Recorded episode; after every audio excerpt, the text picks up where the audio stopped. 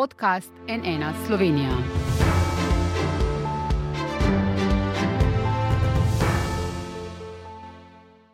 Dobr dan, to je NN studio. V današnjem soočenju bomo govorili o varnosti. To je že tudi sicer pomembna predvolilna tema v času vojne na evropskih tleh, pa sploh. Za nami sta tudi dve leti epidemije. Ta petek bodo protivladni protesti potekali že 100 tednov zapored.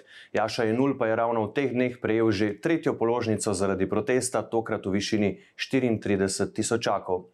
Policija je po mnenju opozicije v rokah politike tako operativno kot kadrovsko. Z nami sta Franz Kangler, državni sekretar na notranjem ministrstvu, tudi predstavnik Povežimo Slovenijo. Dobr dan.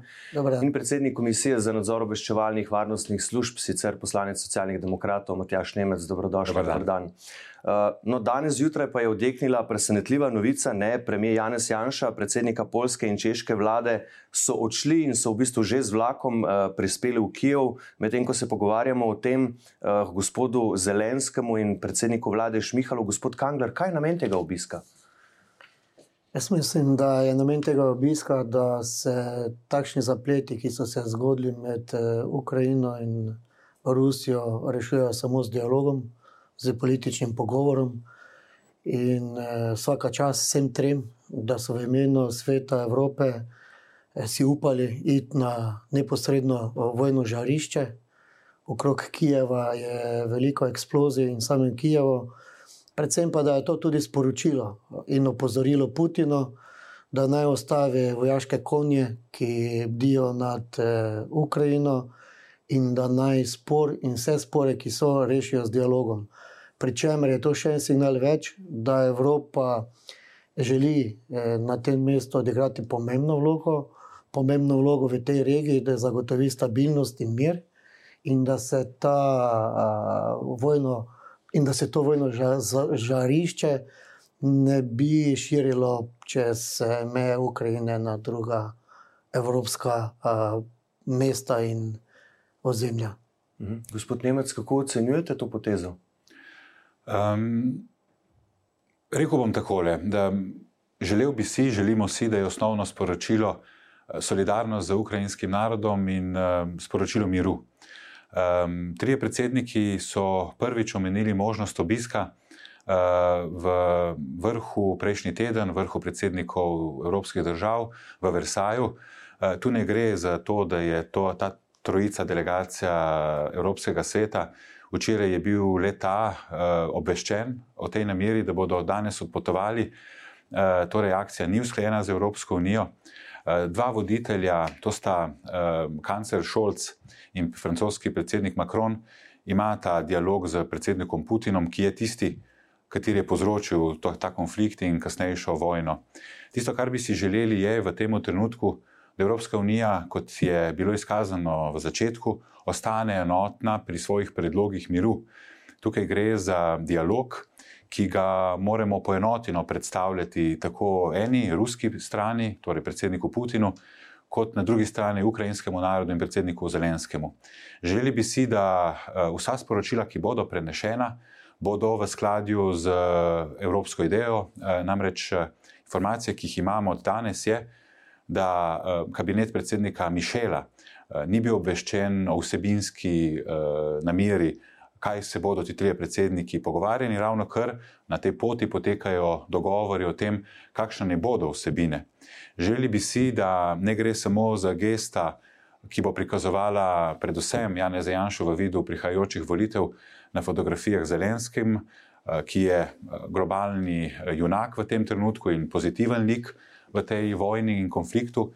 Kajti uh, Zelenski je le del enega kovanca, drugi del je Vladimir Putin, ki je ključen za to, da se ta konflikt uh, in vojna neha. Torej, zelo pomembno je, da se trojica v njihovih predlogih ne umika od tisto, kar je uh, evropska ideja miru uh, in seveda vseh zaveznikov, ki podpirajo čim hitrejši um, konec tega konflikta. Gospod Kangler, ne, slišali ste gospoda Nemca tudi v, v smeri, da je to predvolilno obarvan obisk in da ni usklajen z kabinetom predsednika Evropskega sveta Šarla Mišela. Torej, da niso tam no, kot predstavniki glede, Evropske unije. Mene preseneča nastop gospoda Nemca, vsem spoštovanjem. Jaz predlagam, glede na to, da je njegova predsednica gospa Fajonova, ki je tudi članica Evropskega parlamenta, pa da ona sestavi delegacijo Evropskega parlamenta, pa obišče Putina in ga prova z dialogom prepriča, da naj neha vojno v Ukrajini. Po moji oceni si gospa Fena niti ne upa, kaj šele, da bi dobila idejo, da bi poskušala ona ustvarjati dialog. Zdaj Janez Ojanši učitati, da so volitve. Glejte, Slovenija je v januarju predala predsedovanje v Franciji in Slovenija ima po, pomembno vlogo tudi v predsedovanju Evropske unije. Glede na to, da smo uspešno zaključili predsedovanje, in da so tudi vsi člani, članice Evropske unije lahko se prepričali, kaj smo Slovenci sposobni. In Slovenci smo sposobni, ne glede na to, ali gre za Jana Zajanša, kogarkoli drugega, mi smo sposobni, da ustvarjamo v Sloveniji dialog. In eden izmed razlogov, ki ga tudi sam vidim, eh, kar smo danes tukaj na soočanju, tudi sam sodelujem v Povežimo Sloveniji, da združujemo, da povezujemo saj smo prepričani, tako v stranki, konkretno kot slovenski ljudski, kot zeleni, da samo z dialogom lahko odpiraš in zapiraš politična vprašanja, ki terajo slovence. Ne pa z izključevanjem, kot so nekateri v opoziciji razdelili slovenski narod. Gospod Nemec, ampak ne tudi bivši predsednik vaše stranke, tudi vaš bivši šef, ne na zadnje, Borod Pahor, aktualni predsednik republike, je zapisal uh, naslednji: citiram, ne, da je to ta obisk teh treh močan izraz podpore teh treh držav in celotne Evropske unije Ukrajini. Gre za, kot rečeno, izkaz solidarnosti in sporočilo miru. Tisto, kar v danih okoliščinah je lahko veliko tveganje, da, in glede na podatke, ki jih imamo in so verodostojni in gotovo to drži, z, s, ta obisk ni usklajen z Evropskim vrhom, ni usklajen z predsedniki drugih evropskih držav, ni usklajen z kanclerjem Šolcem. Mimo grede ne omenim, da se Tanja Fajon ravno danes nahaja v Berlinu, kjer ima vrsto sestankov z nemškim političnim vrhom tudi na to temo. Ker seveda tisto, kar bi moralo biti v osnovi sporočilo, kajti predsednik Macron in uh, kancler Scholz sta v neposrednih dogovorih s Putinom. Uh, tisto, kar je v tem trenutku potrebno ohraniti, je politična drža v Republiki Sloveniji, ki je v odnosu do vojne v Ukrajini enoten. Sprejeli smo deklaracijo o Ukrajini in smo se v tem kontekstu slovenski politiki poenotili. Tisto, kar pa moramo kot svetinjo držati v tem trenutku, je enotnost Evropske unije in je bila kot veliko presenečenje tudi dosežena v 48 urah po začetku konflikta v Ukrajini, kar je presenetilo gotovo tudi Vladimirja Putina, predsednika Ruske federacije. Govorim, torej, vi menite, da, to, da to spodjeda enotnost Evropske unije? Uh, glede na to, da obisk ni usklajen, bi lahko temu bilo tako. Gospod Janez Janša bo imel pogovor najverjetneje z predsednikom Zelenskim. Gospod Janez Janša bo najverjetneje predstavil vse ukrepe in vse, uh, bom rekel, sankcije, ki jih je Rusija deležna in evropsko politiko. Ampak povejte mi pa vi, če informacija izpred pol ure je, da za kabinetom predsednikom Mišelem vsebinsko še ni bila usklajena, uh, usklajen ta obisk, potem takem lahko si resno postavljamo dvom v to, da so um, ti trije ne zastopajo celotne Evropske unije, ampak v tem primeru tri države. Uh, Evropske, Evropske, uh, Evropske unije. Torej, vkolikor bi Janes Janša od začetka konflikta gojil dip, diplomatsko retoriko, kolikor bi Janes Janša od začetka konflikta v zadnjih 18 dneh komuniciral enako kot Evropska unija in vse ali pa večina evropskih držav, nas ne bi imelo kaj skrbeti. Ampak Janes Janša je bil z resnimi predlogi postavljen pred osramotilni stebr, če smem tako reči, kot je ta predlog o no-flying zone, ki ni bil v skladju za politiko eh, Evropske unije v celoti. In kaj bo človek, ki je v zadnjih 18, 18 dnevih bil večkrat v eh, neskladju z evropsko politiko, eh, govoril predsedniku Zelensko, je veliko vprašanje. Gospod Kangler. No, ne čudim se njegove retorike. Poglejte, on trdi, da obisk treh predsednikov vlad ni usklajen. za božjo voljo s kom ni usklajen.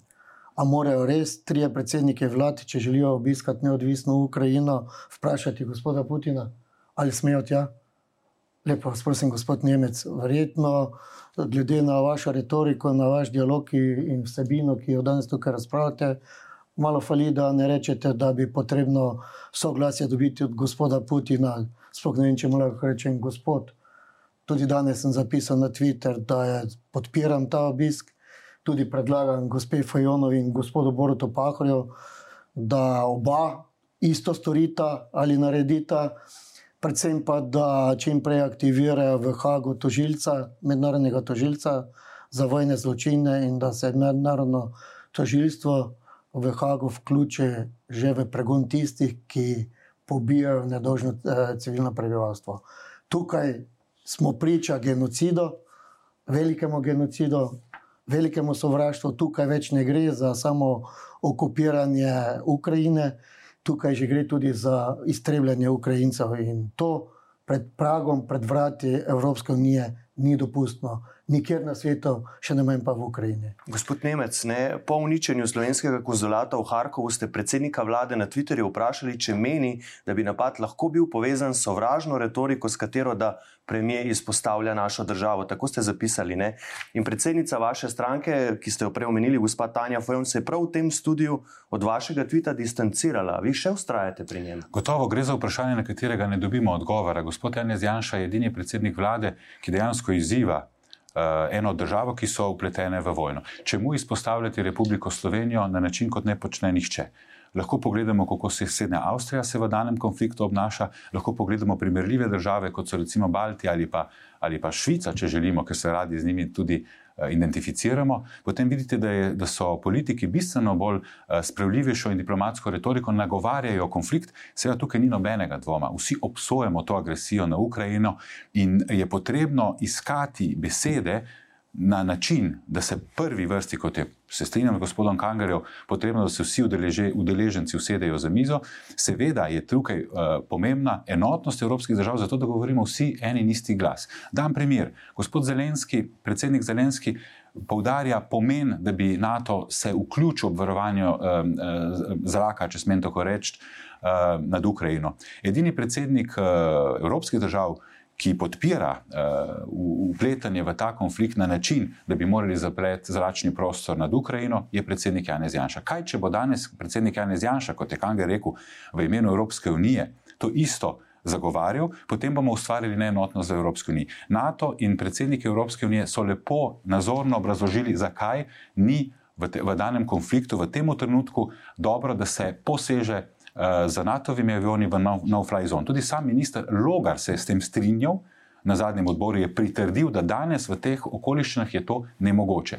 Zakaj predsednik Janez Janša z temi uh, pobudami izpostavlja državljane Republike Slovenije ter seveda našo državo? Tisto, kar je v tem trenutku ključno, je, da Evropska unija ohrani enoten glas. Tisti, ki se v tem trenutku v imenu Evropske unije pogovarjajo in dogovarjajo s Putinom, sta dva predsednika, predsednika torej Nemčija in Francija. Eh, seveda ima vsaka država svojo lastno odgovornost, možnost obiskati, kot v tem primeru, um, trije predsedniki Ukrajine oziroma Kijev. Tisto, kar se pa ne sme govoriti, da to počnejo v imenu Evropske komisije in Evropske unije, kajti ta je že zanikala, da ne počnejo to v njihovem imenu. Torej, govorimo o bilateralnem obisku, ne pa o multilateralnem obisku, če govorimo o tem, da je posamezni predsednik predstavlja posamezno državo uh, te, na tem obisku. Gospod Kangler. Danes sploh ni pomembno, v katerem imenu so se ti le trije gospodje, predsedniki vlade, znašli v Ukrajini. Je to pomembno? Ni pomembno. Pomembno je pa to, da so si upali iti v Ukrajino, da so pokazali to pozitivno gesto, da so dali na znanje tako Evropski uniji kot Putinu, da je potrebno probleme, ki so nastali in konflikte reševati z dialogom. In ko govorimo o tem tvitu, ta tvit sem jaz, spoštovani gospod Nemec, razumel kot da vi predsednika vlade eh, obsojate. Oziroma, Ampak ste napačno razumeli, ali pa ste razumeli, kot ste želeli. Je, je on kriv? Tam jasno je, piše, kaj se mu zgodi. Da je raketa zadela naš konzulat v Harkovu. Jaz sem bil v Harkovu, tudi na tem konzulatu. Ko sem bil župan eh, mesta Maribor, sem podpisal sporazum o pobratenju med Mariborom in Harkovom. Zelo dobro poznam Harkov. Tisti konflikt, ki je bil eh, takrat pred leti, je župan, ki je z mano podpisal a, a, a, sporazum o pobratenju, bil strani Ostrelca tudi zadet, je preživel, e, lansko leto je umrl. Imajo novega župana, res je, da je Harkov e, mešano območje, ampak e, zaenkrat je Harkov tudi enoten, ne glede na to, da gre za rusko prebivalstvo ali ukrajinsko. Če gremo naprej, glede zaupanja v delo slovenske policije. Tu se oba strinjata, oziroma oba ugotavljata, da to zaupanje pada. Tudi številke tako kažejo, tako javno mnenjske raziskave, kot tudi same raziskave znotraj policije. Ampak seveda ne strinjata pa se, zakaj to zaupanje pada, gospod Nemec. Zakaj po vaše? Že zadnje leto pa pol se pogovarjamo v javnosti o stanju v slovenski policiji. Seveda, sem pripričan, da si državljanke in državljani so si izoblikovali svoje mnenje, kajti to drugačno ravnanje slovenske policije vpliva na naš vsakdan. To smo občutili v času predvsem neuspešnega reševanja COVID situacije se strani naše vlade, veliko krat in preveliko krat z občutkom prevelike mere agresije in seveda zlorabe položajev. To je en segment. Gotovo drugi segment je samo kadrovanje, kot ste menili vi. Resnično se je dogajalo, da vsaka vlada je zamenjala vrh policije, ampak generalni direktor policije je bil tisti, ki je v preteklosti, v zadnjih treh letih, v velikih primerih bil tisti vratar med željo politike, da vstopi v delovanje policije za svojimi apetiti, ne glede na vlado, leva ali pa desna. V tem primeru več ni tako. Praktično imamo državnega sekretarja, vsem dožnim spoštovanjem do sogovornika, ki se podpisuje pod uradne dokumente policije. Torej, imamo neposredno povezavo med Ministrstvom za notranje zadeve in policijo, tudi v vodenju. To je moč dokazati preprosto, preprosto po horizontali, kjer dejansko izuzete gospod Kangler, SDS-ova struja sega od predsednika vlade, ministra, svetovalcev za nacionalno varnost, sekretarjev, ministra na notranjih zadevah, direktorja policije, direktorjev ostalih na policiji, ki so že bili zamenjeni. In moram reči, da tukaj lahko se zahvalimo le ustavni presoji in ustavnemu sodišču, da je preprečil popolno politizacijo policije za pre, preprečitve imenovanja več kot stotih direktorjev policije in načelnikov širom Slovenije. Ampak za kakšen dokument gre tu, gospod Kangler, kar pravi gospod Nemec, da ste vi podpisali dokument, ki nosi glavo policije, vi pa pač lahko podpisujete dokumente, ki nosijo glavo notranjega ministrstva, kjer ste državni sekretar. Zakaj? Ne, da, ne, da bi jaz vedel, za kakšen dokument. Upam, da bo gospod Nemec. Tako kot je iskal mojo nečakinjo, tudi ta dokument enkrat končno pokazal javnosti. Eh, nikoli nikdar tega nisem podpisal, niti ni moja pristojnost. Tudi takrat, ko me je vprašal na preiskovalni komisiji, ali obstaja možnost, mala verjetnost je, da bi kakšen dokument prišel v mojo podpisno mapo. Tudi sam sem preveril pri moji tajnici, ki skrbi za vse dokumente, eh, tega podatka mi nimamo in s takim dokumentom ne razpolagamo. Če pa gospod Nemec razpolaga z tem dokumentom, bi pa bil zelo vesel, eh, da ga predstavi javnosti da ga prenese v studio, ali da vam ga pokaže, ali mene ponovno povabijo pred preiskovalno komisijo in da razčistimo, kdo, zakaj in na kakšen način se je taki dokument znašel. Boste pokazali? Bom odgovoril, nimam te moči, lahko pa preverite pri predsedniku komisije, ki pre, preizkuje, da je dokument varno shranjen v prostorih državnega zbora in bo predmet verjetno tudi uh, obravnaven na, na sodišču. Uh, jaz lahko potrdim obstoj tega dokumenta, za gotovostjo imamo mnoge priče, poslanke in poslance. Kakšen dokument sploh? Um, gre samo za to, da se je gospod Kanger podpisal pod glavo policije na uraden dokument, kar je v nasprotju z delitvijo oblasti, torej ne ločimo več ministrstva od policije, potem takem lahko pritrdimo ali pa potrdimo, se pračujem izrazu zlizanostjo politike z policijo. No.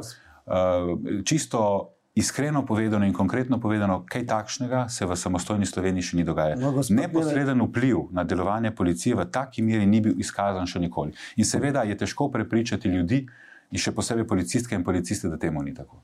No, gospod Nemec, če vi trdite, da sem se jaz po ta dokument podpisal in če je po moj podpis na tem dokumentu, potem pa se mi zdi prav, da ga kot državni sekretar tudi dobim. Ne da ga skrivate tako kot se jim očitalo, da bi naj zaposlil svojo nečakanjo na kriminalistični. Lahko, kriminalistično inšpekcijo. Lahko pogledamo to. Mariboro. Imamo ta posnetek pripravljen, gospod Kangler, če dovolite. Če, če dovolite, no, bil bi zelo vesel, da jaz ta dokument vidim.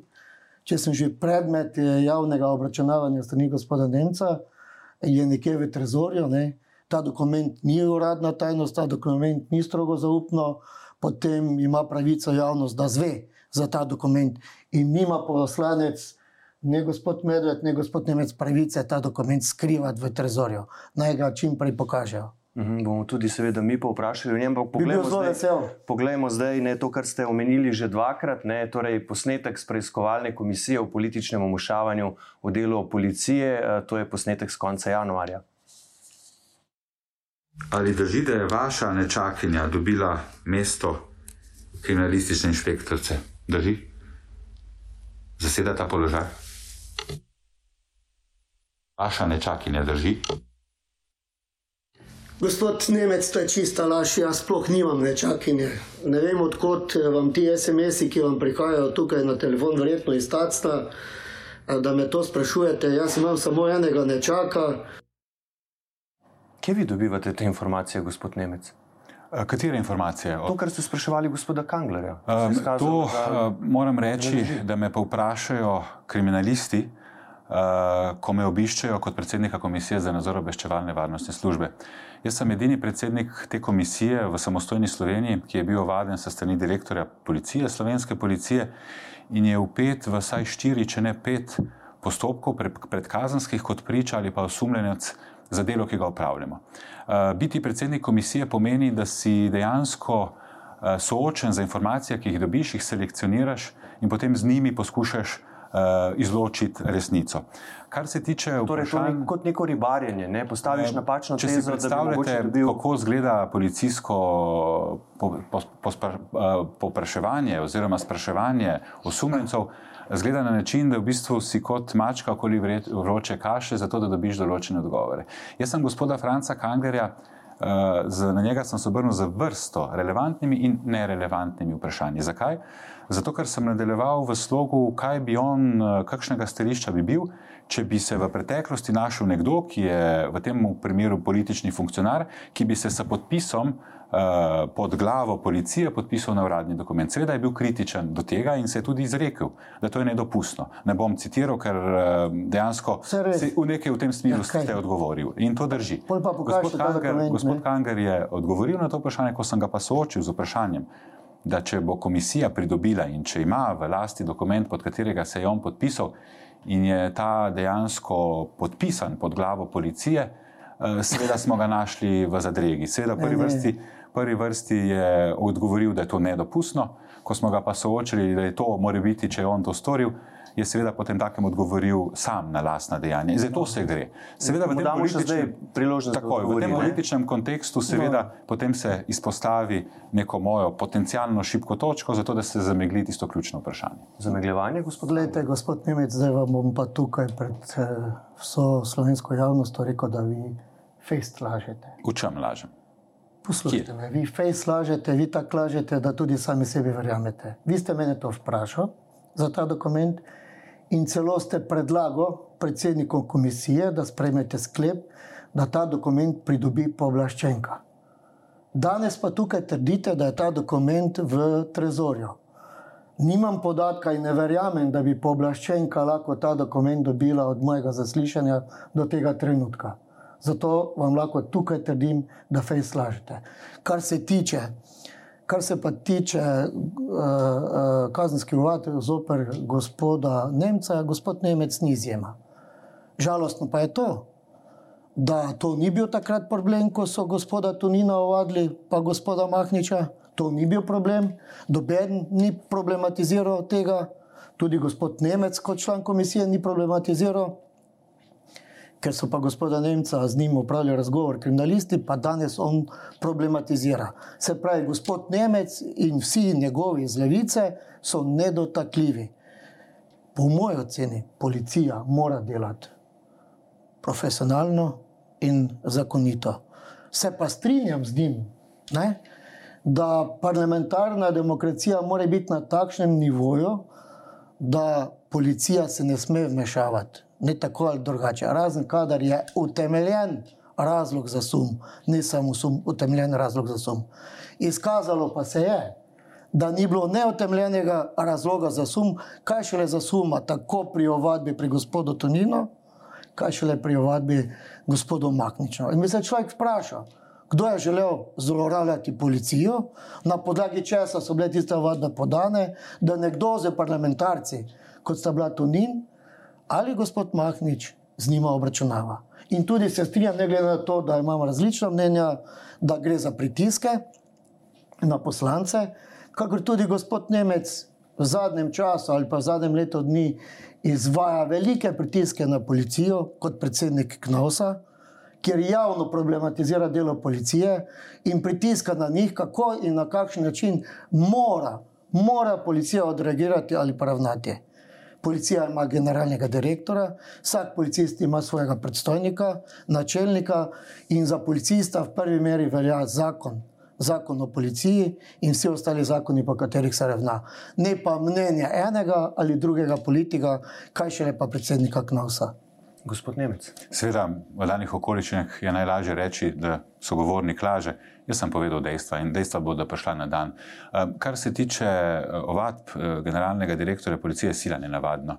Seveda, z to nenavadnostjo so, je imela priložnost se soočiti celotna javnost nekdani predsednik državnega zbora Pavel Gantar je bil dejansko ravno tako na podoben način kaznovan zaradi svoje retorike, ki jo je zoper policijo eh, izrazil na Twitterju.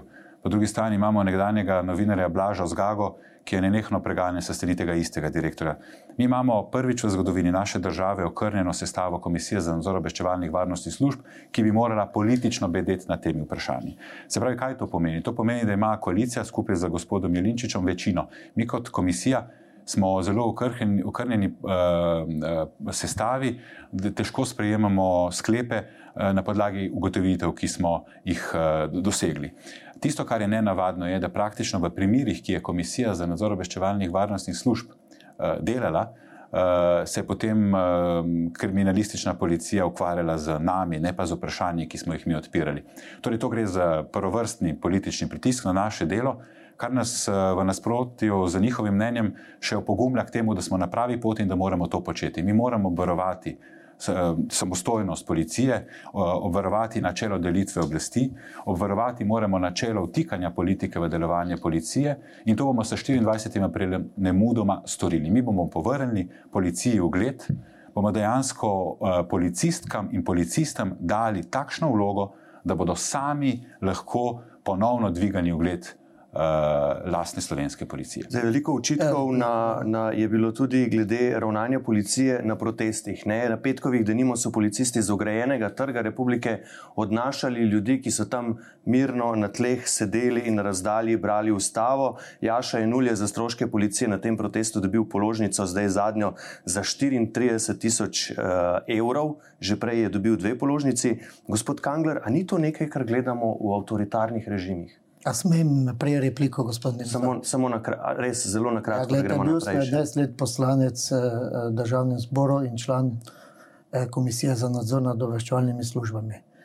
Bil je predsednik gospod Jarovšek, eh, Trčon, LDS eh, in Mogej so bili člani. Nikoli nikdar, nihče od predsednikov, ne glede iz kere stranke je prišel, ne od članov, ni zlorabljal te komisije za politični obračun. Pa je že bilo kdaj tako, da je stranka, ki daje vladi večino, dejansko jeziček na tehnici in zagotavlja večino Glede, ko je bila levica tihi, tihi član vlade ali pa v senci, potem je bilo za gospoda Nemca vse v redu, ko se je ta stvar malo obrnila.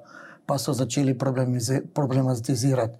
Tipično za njih. Jaz sem pripričan, da 24. ne bodo dobili to zaupanje, da bi lahko socialni demokrati vodili vlado, kaj šele ministrstvo za notranje zadeve.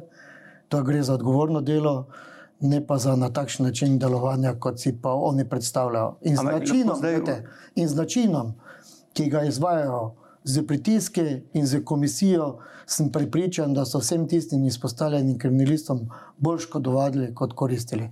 Kar se tiče gospoda Jenula, uh, gospod Tinul ni izjema. Če misli, da je njegov oče tožilec, vrhovni tožilec in da je mama vplivna, da za njega ne veljajo predpisi in zakoni, potem on ni izjema. Ker on ni izjema, zato je dobil tudi položnico in strošek, koliko je povzročil uh, breme, finančne bremenitve strani policije ki so morali zagotoviti, zato ker ni prijavo pravočasno in v skladu z zakonom javne prireditve zaščititi slovenske državljane sredi Ljubljane in opraviti varovanje. Vam se to ne zdi zastraševanje, oziroma je, je ali bo položnico dobil tudi Denimo Zoran Stevanovič, ne, ki je vabil ja, na jesenske ne, sredine proteste, ja, kjer je ogromno sozivca bilo porabljenega, policija je bistveno glejte, bolj ukrepala. Ja, kot... seveda, ti protesti in prav gotovo sem prepričan, bo, da bo tudi ta gospod. Eh, Ki ima svojo stranko, politično stranko, dobil položnico, nihče ni izjema. Ne glede ali prihaja z levice ali z desnice. Zakaj bi pa bil kdo izjema, če lahko mi ali kdorkoli drugi opravi in prijavi shod eh, na upravni enoti, zagotovi zdravnika, zagotovi dovolj varnostnikov, potem eh, stroška strani policije ni. Če pa nekdo ne prijavljeno to naredi in mora policija tako iz Maribora, z Murske sobote in z drugih eh, posebno noto policije angažirati in aktivirati in jo pripeljati v Ljubljano, za zagotovitev javnega reda in mira, nastanejo stroški. Stroški pa nastanejo zato, ker nekdo ni spoštoval zakonov. In če nekdo ne spoštuje zakone, naj za to odgovarja. In še enkrat trdim, ne glede na to, ali gre za Janulja, ali gre za kogarkoli, zakoni morajo veljati za vse enako. Za vas, za mene, za gospoda Nemca. Je to zastraševanje, gospod Nemec? V času COVID krize je bilo moč očitati vladi in tudi dokazati, in splošno mnenje je takšno, da je vlada zlorabila dani položaj za to, da onemogoči kakršne koli svoboščine v danih okoliščinah. Mislim, da smo se tudi iz epidemiološkega vidika uh, naučili, da veliko ukrepov, še posebej teh represivnih, je bil popolnoma nepotrebnih. Tisto, kar danes lahko reflektira kot zrcalna slika, je dogajanje v Rusiji. San Petersburg, Moskva in nekatere druge eh, velike države, eh, se upravičujem, mesta, so danes skoraj vsak večer preplavljene za množico ljudi, ki protestirajo proti vojni. Lahko gledamo, gledamo na kakšen način se ruski režim loteva tovrstnih uh, protestov, ki bi morali biti ena od osnovnih soboščin, ki smo kot civilizacijsko normo dosegli v zadnjih nekaj stoletjih. Torej, tisto, kar je ključno, je primerjava z tistem s tistim politikom, ki mu očitamo agresijo na Ukrajino in njegovo ravnanje v lastni državi, govorim o um, vplivu na delovanje tožilstva, vplivu na delovanje medijev, vplivu na delovanje policije, vplivu na to, da ljudi fizično umaknejo iz trgov, zaradi tega, ker dejansko širijo sporočilo miru. Uh, Slovenija je na tej poti. Torej, po eni strani uh, želimo biti, uh, vsaj predsednik vlade, tisti uh, v danih okoliščinah pred volitvami, ki bi bil mirovnik, miroljubnik, humanitarec, po drugi strani pa podžigamo tukaj mednarodne odnose z neprimernimi tviti, z hujskanjem, z strateškimi vojaškimi napakami, ki jih potem analitiki in politika obsojajo na najvišjih ravneh.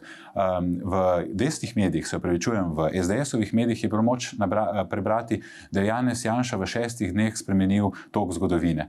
V tistih dneh so v Bruslju razpravljali predvsem o tem, da je eden od predsednikov vlad Evropske države predlagal eh, nek, eh, nek, neko pobudo, ki je eh, dejansko skregana za vojno strategijo in mir, mirovno strategijo, kajti vkoliko bi potegnili se v ta konflikt, bi potem izpostavljali tudi evropska mesta in evropske države. In to so praktično od Pentagona, Brusla, vsi v en glas govorili. Le Janez Janša si je najverjetneje eh, zaradi eh, motivirani iz političnih vidikov in seveda za izkušnjo prihajajočih volitev, si želeli ustvariti imič, potem ko je zavozil strategijo o, o, o, o COVID-u, reševanju COVID krize, eh, miroljubnika, humanitarca in reševal, reševalca globalne krize.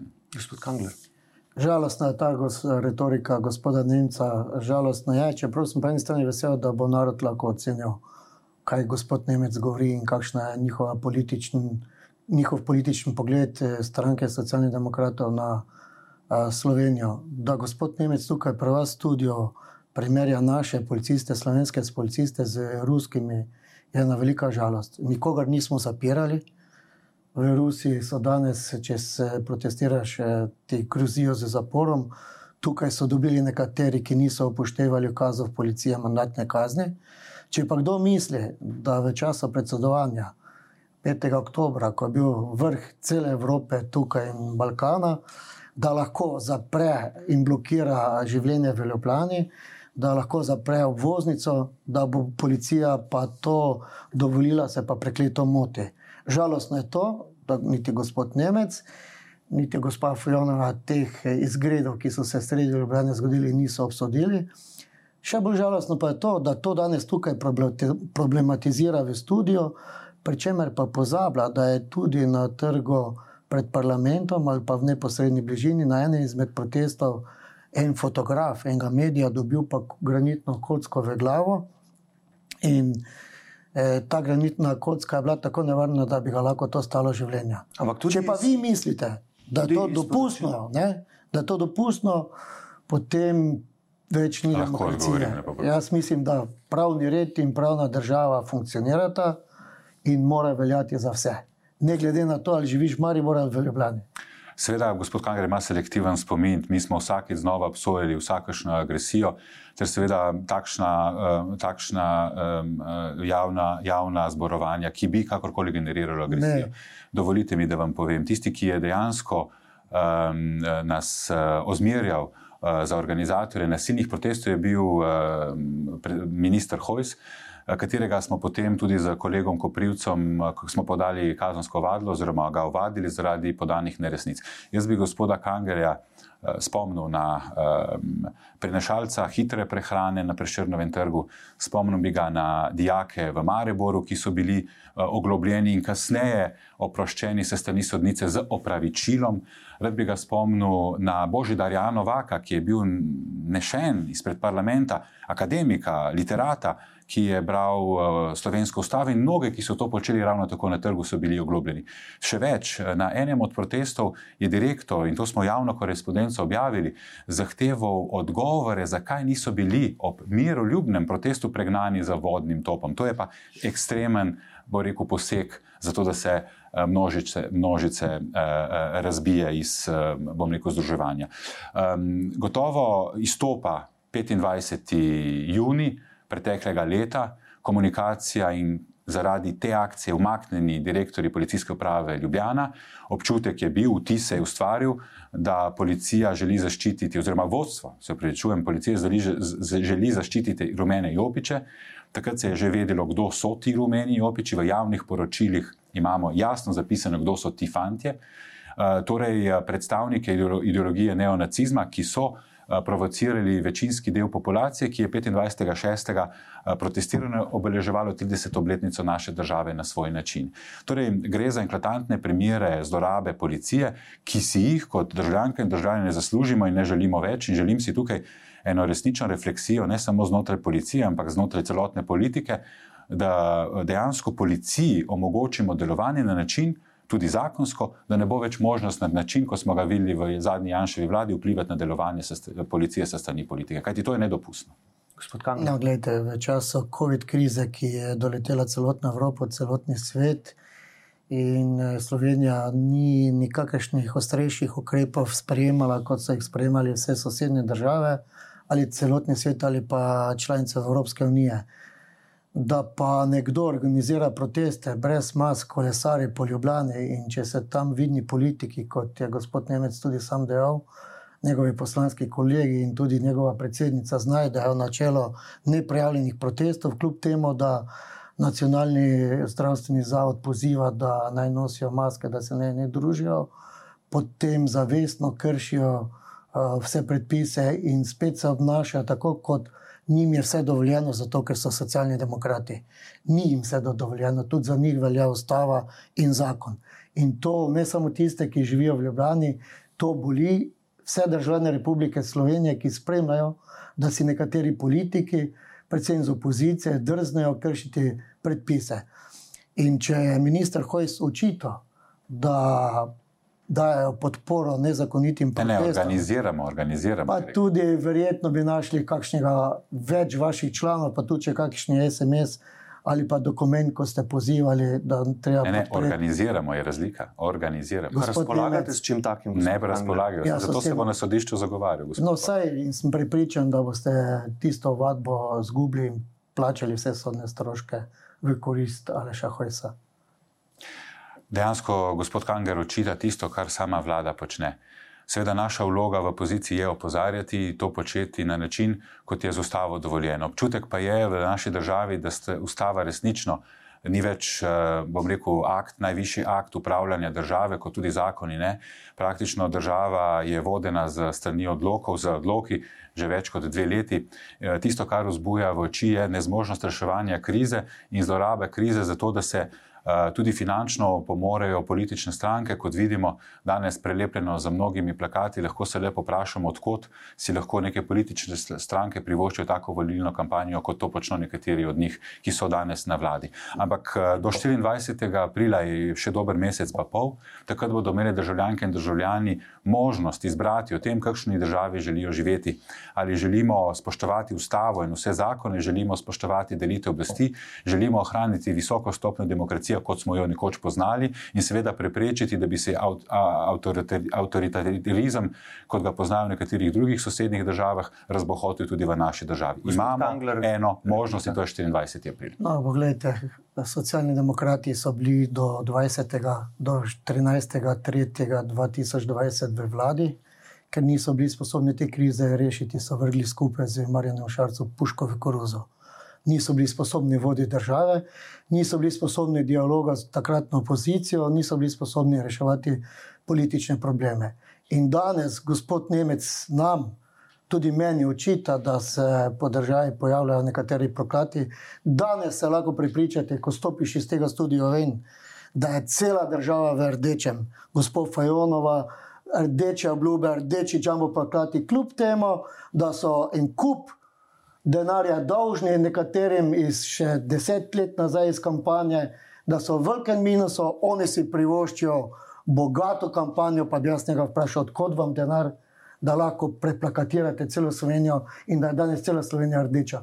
Odkot vam denar? Prvo vrnite denar tistim, ki ste jim dolžni, ker še niste poplačali vseh računov, niste še poplačali po mojem oceni, bi vam morali prepovedati delovanje vsem tistim političnim strankam, ki imajo odprte terjatve izpred tistih let. In če za mene velja zakon, da moram višek iz transakcijskega računa volilnega nameniti v dobrodelne namene, ne pa tako, kot so si oni privoščili za 100 ali pa par sto tisoč evrov, ostati dolžni in takšni računi, vsaj po bilancah, ki jih lahko pregledamo, pa zaključnih računih volilne kampanje, je razvidno, da niso poravnali vseh računov, pa dobene sankcije. Če pa so že dobili sankcijo, pa je verjetno bila to mandatna kazen strani računskega sodišča v višini 1500 evrov. Institucija, ki bedi nad uh, legitimnostjo in legalnostjo delovanja politične politični stranki je računsko sodišče, ne pa državni sekretar na ministrstvu za notranje zadeve. Ampak znotraj uradne kampanje, ne, ti plakati, ki so zdaj, še niso v okviru uradne kampanje, ki se začne 24. marca. Tako, tako. Ja, no, se, to se obravnava. A nam očita,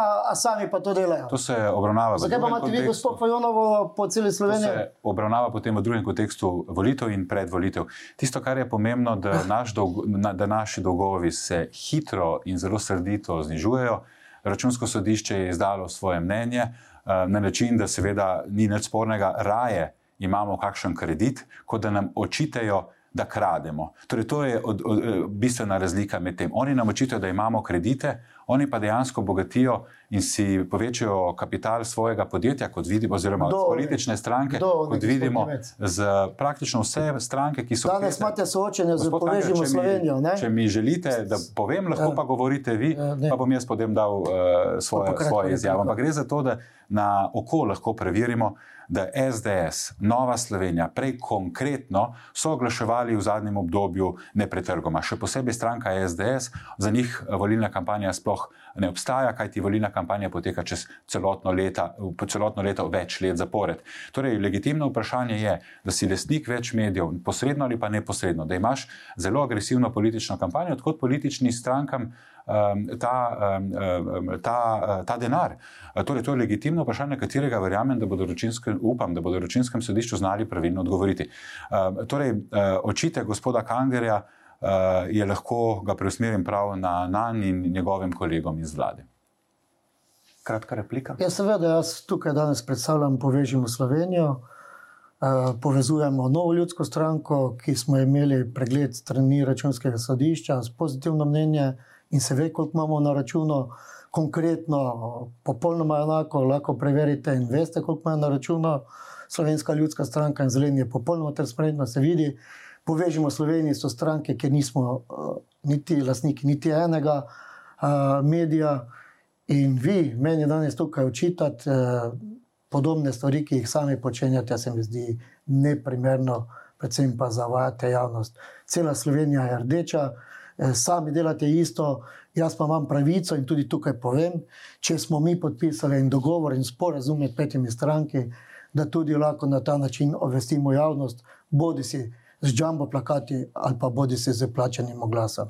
Preden končamo, se bomo še za hip vrnili na 5. oktober, na tiste proteste. Gospod Nemec, ne Knovs, ki ga vodite, je zaradi ravnanja policistov na teh protestih opravil nadzor na policiji. Rekli ste, da so se potrdile govorice, da je bila politika 5. oktober prisotna v dveh operativnih štabih, torej na dveh lokacijah in sicer Franz Kangler, ministr Aleš Hojs, državni sekretar za nacionalno varnost Žan Mahniš. Gospod Kangler, kaj ste počeli tam? Poglejte, šlo je za zavarovanje eh, predsednikov eh, vlad, več kot 40 jih je bilo na Brdo in tudi premoženja. Sam osebno sem šel pozdraviti fante v OKC, niti besede tam nisem zgovoril, bil sem pa z generalnim direktorom policije. Pogledal sem se jim zahvalil za delo in to je tudi vse. Med samo akcijo ste bili že tam ali po? Vmes, v centru sem bil vmes, ko je še delovanje trajalo. Mhm. Ampak aktivnosti z moje strani, niti strani generalnega direktora, niso bile v, smer, v smeri, kot jih je vidi danes tukaj eh, gospod Nemec. Če nekdo pride na organizacijsko enoto, pa pozdravi policiste, mislim, da to ni nasprotjo zakonom, ni prekoračitev pooblastil, ravno nasprotno gre za spodbudo, ker fanti so pošteno delali, pa pravično in skladno z zakonom. Vi imate kakšen dokaz, da je bilo kaj več od tega, kar pravi gospod Kajs? Težko je kar več dodati, kaj ti že to, kar sta vidva povedala, je dovolj uh, nazorno. Um, politični funkcionarji v času uh, ravnanja policistov, v času protestov, je nedopustno v vsakem primeru. Se je dogajalo v preteklosti, da so ministri in sekretarji obiskali uh, te enote po izvedeni akciji, ne pa med samo akcijo. Razumem, da bi lahko bilo pravičilo lepa, prijazna beseda ali pa čestitke ali pa opogumljanje, ampak v tem primeru ne gre za to. Večina njih se je znašla v času aktivnosti, moram pa povdariti ali pa dati v kontekst, da to so bili daleč najbolj nasilni protesti. V zgodovini Republike Slovenije. In ravno takrat se je politični vrh, če smem tako reči, ali pa posamezniki, vidne, eh, vidni posameznik sveta politike, eh, bili prisotni na mestu, kjer jim ni eh, dejansko vloga. Tisto, kar bode v oči, je predvsem želja, da se izkaže neka represija, neka moč, ki jim je bila dana in presežena gotovo, slaba komunikacija z ljubljančankami in ljubljančani, čez noč na korespondenčni seji je, seja, je, je vlada sprijela odločitev, da se ogradi center Ljubljane, ne da bi prebivalke in prebivalci sploh za to vedeli. Imeli so zlati čas meseca, pa pol dveh mesecev priprav na dogodek v Brdu, imeli smo mnogo število diplomatskih um, ekip v centru Ljubljane in tudi oni so, bili, so se znašli znotraj tega konflikta med protestniki in policijskimi. Tisto, kar je gre za podariti, da velika, velika, velika večina vseh protestnikov je miroljubnih.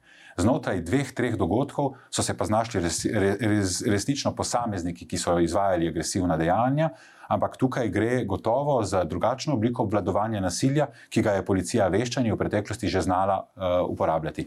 Tukaj v tem primeru gre za pomenju strokovnjakov in tudi dela politike za prekomerno uporabe sile. In tudi iz poročila, ne, ki ga je pripravila v bistvu posebna skupina znotraj policije, izhaja, ne, da je na velikem številu pridobljenih posnetkov telesnih kamer pripadnikov posebne policijske enote vidna le uporaba presilnih sredstev, niso pa posnete kršitve, ne, kar je v bistvu pogoj. Eh, zato, da se v, v takšnem obsegu uporabi prisilne sredstva. Recimo tudi na Prešernov trg so leteli plinski naboji, kjer ni bilo nikogar. Ne? Tudi na kongresnem trgu izhaja sporočila, da so leteli plinski naboji proti množici, ki de, ni delala nič. Od naštetega, vsaj na posnetkih, niso bili vidni, je ugotovila no, ne, uh, policija. Gospod je... novinar, pogledajte. Eh, jaz se z vami lahko strinjam in v takšnih dogodkih eh, tudi eh, dopuščam možnost, da je kakšen plinski naboj, naboj preletel v neprimerno okolje ali pa na nek prostor. Zakaj kršitve niso bile zaznane na osebnih kamerah? Te kamere ne vlečejo 50 metrov, da bi lahko zvok in v nočnem času posnela dogajanje, kaj se dogaja. Bili smo priča, ko je diplomatsko vozilo pred hotelom Union padlo v zasedo teh protestov. Hvala Bogu, hvala Bogu da, je, eh, da protestniki so res bili okrog tistega avtomobila miroljubni, tudi ravnanje policije tam ni bilo. Uh, uh, ni bila uporabljena nobena fizična sila ali katero drugo plinsko sredstvo, Kar se pa tiče eh, zavajanja javnosti, ker gospod Nemec govori, da je bila politika globoko vmešana v same odločitve in delo policije, ostro zavračam. In me je žal, ker gospod Nemec je dobil vse zapise kot eh, predsednik komisije KNOS, vse zapise, kdo in kdaj. In ob kateri uri je odredil kakšen ukrep, se pravi uporabo fizične sile in zakaj, in uporabo vodnega topa in zakaj ve se, kako je ta hierarhija v policiji eh, potekala, do minute, do sekunde natančnosti. In danes tukaj v, pred slovensko javnostjo zavajati, da je bila politika vmešena v to, je žalost.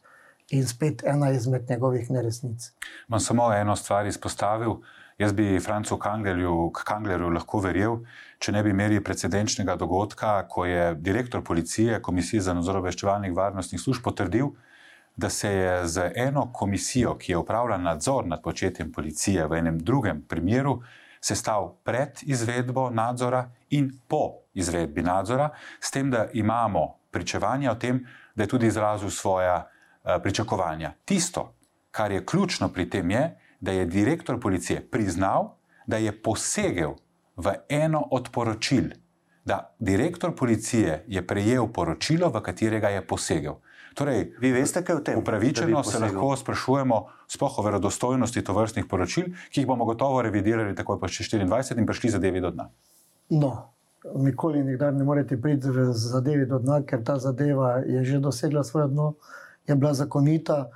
Problem je v tem, da to komisijo imenuje v skladu z zakonom, ki ga ni sprejela ta vlada eh, sam direktor policije. In mi se strinjamo, tudi to drži. To drži. Mi se strinjamo, no, to drži. Da, če... Kdo jo imenuje? Ne, da se pa z njo sestaja ja. prej in potem, in da še posega v njeno delo. No, se tudi nivo kulture je, je vidno, da mi skačete v besedo. Jaz vam nisem. Eh, se pa strinjamo, da je potrebno v tem delu zakonodajo spremeniti. Da je potrebno v to komisijo, ki je eh, potrebna v takih primerih, vključiti tudi zunanje strokovnjake, Eh, zunanje pravnike, ki bodo lahko neutralno, neodvisno in pod dobenim vplivom tudi presojali, ali je policija eh, zakonito, v skladu s vsemi predpisi, uporabila fizično silo oziroma ostala prisilna sredstva. Ki so v nekem dogodku bila uporabljena. In s tem se tudi gospod Nemec strinja, da je to nujno potrebno. In, to je pa tudi vse. In na koncu smo očitno prišli do tega, da v enem majhnem delu se vendarle strinjata, spoštovana gosta, gospod Nemec, gospod Kangler. Najlepša hvala za obisk na enem. Hvala tudi vam. Hvala pa tudi vam, da ste nas spremljali. Seveda bomo s predvoljenimi soočeni na nnainfo.si nadaljevali. Prihajajo tudi posebne rubrike, zato nas intenzivno spremljajte. Iz studija pa le še lepo zdrav in nasvidenje.